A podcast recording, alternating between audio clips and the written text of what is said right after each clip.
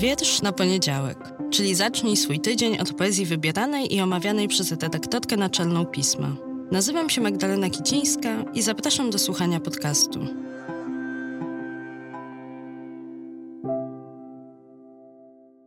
Dzień dobry, dobry wieczór. Witajcie w ostatni już wrześniowy poniedziałek, który, jak dzisiaj sprawdziłam, okazuje się być Międzynarodowym Dniem Języków Obcych. A jak wiele razy już w tym podcaście mówiłam, przekład poetycki jest dla mnie szalenie istotny i darzę ogromnym szacunkiem tłumaczy i tłumaczki, dzięki którym możemy poznawać poezje powstające w innych niż polskich językach. I to już chyba też powtarzałam 7, 8 albo 78 razy. Dla mnie to jest alchemia, moc niemalże magiczna, znajdować odpowiednie słowa dla tych, które zapisano w innej melodii, tonacji, kręgu kulturowym. Raz jeszcze więc przy tej okazji powiem dziękuję Wam za to, co robicie, drodzy tłumacze i tłumaczki. Wydaje się więc też, że to bardzo dobra okazja, by sięgnąć po poezję pisaną oryginalnie właśnie w obcym języku, a w tym przypadku będzie to język angielski, bo dzisiaj nie tylko Międzynarodowy Dzień Języków Obcych, ale też rocznica urodzin wielkiego, wielkiego poety T.S. Eliota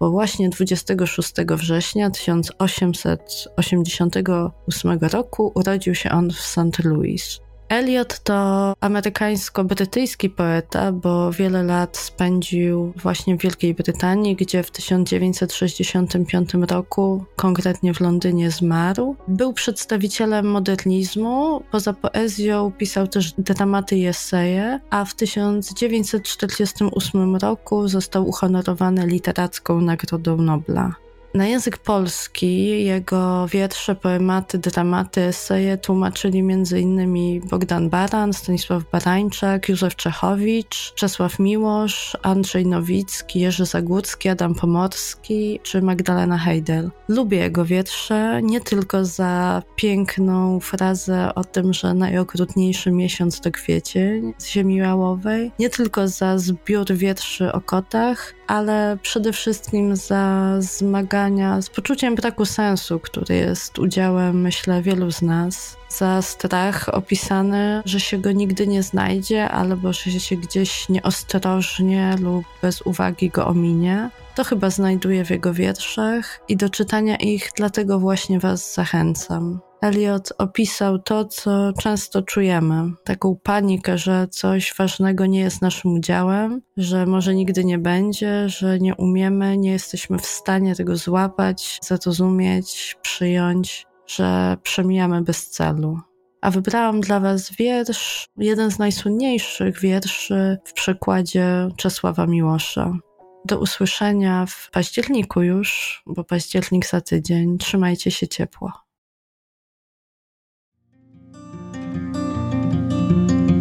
Thomas Stearns Eliot.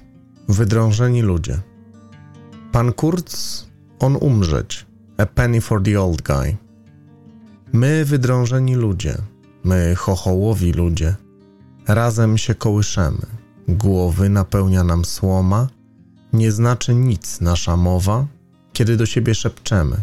Głos nasz jak suchej trawy Przez którą wiatr dmie Jak chrobot szczurzej łapy Na rozbitym szkle w suchej naszej piwnicy.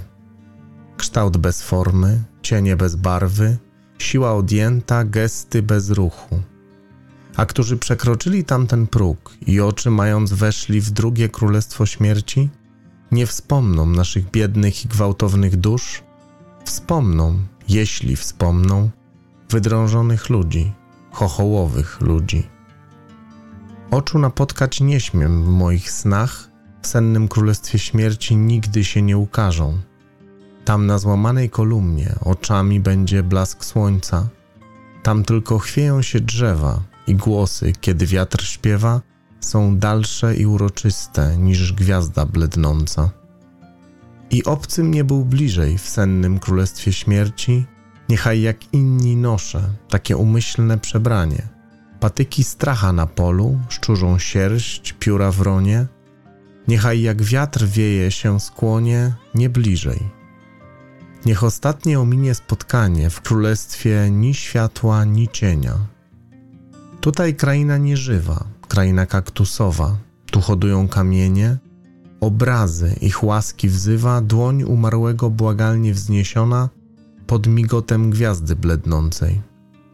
Czy tak samo jest tam, w drugim królestwie śmierci, czy budzimy się zupełnie sami, w godzinę, kiedy wszystko w nas jest czułością i czystymi łzami, usta chcą pocałunku, a modlą się do złamanego kamienia.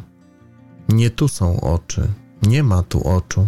W tej dolinie umierających gwiazd, w tej wydrążonej dolinie, złamanej szczęce naszych utraconych królestw. W tym ostatnim miejscu spotkania na oślep szukamy, nieufni i niemi, na żwirach zgromadzeni pod opuchłą rzeką. Na zawsze niewidomi, bo nie ukażą się oczy, gwiazda nieustająca, wielolistna róża, królestwa śmierci bez światła ni cienia, nadzieja tylko pustych ludzi.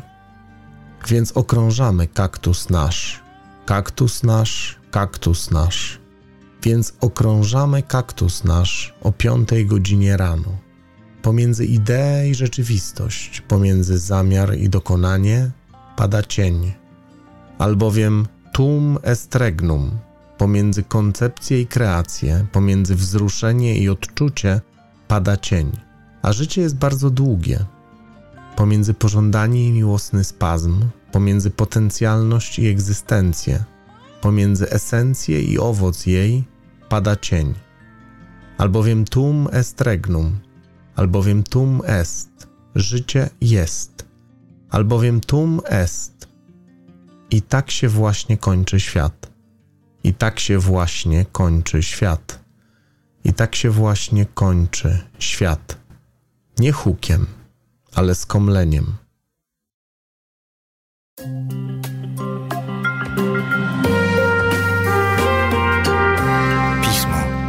magazyn opinii.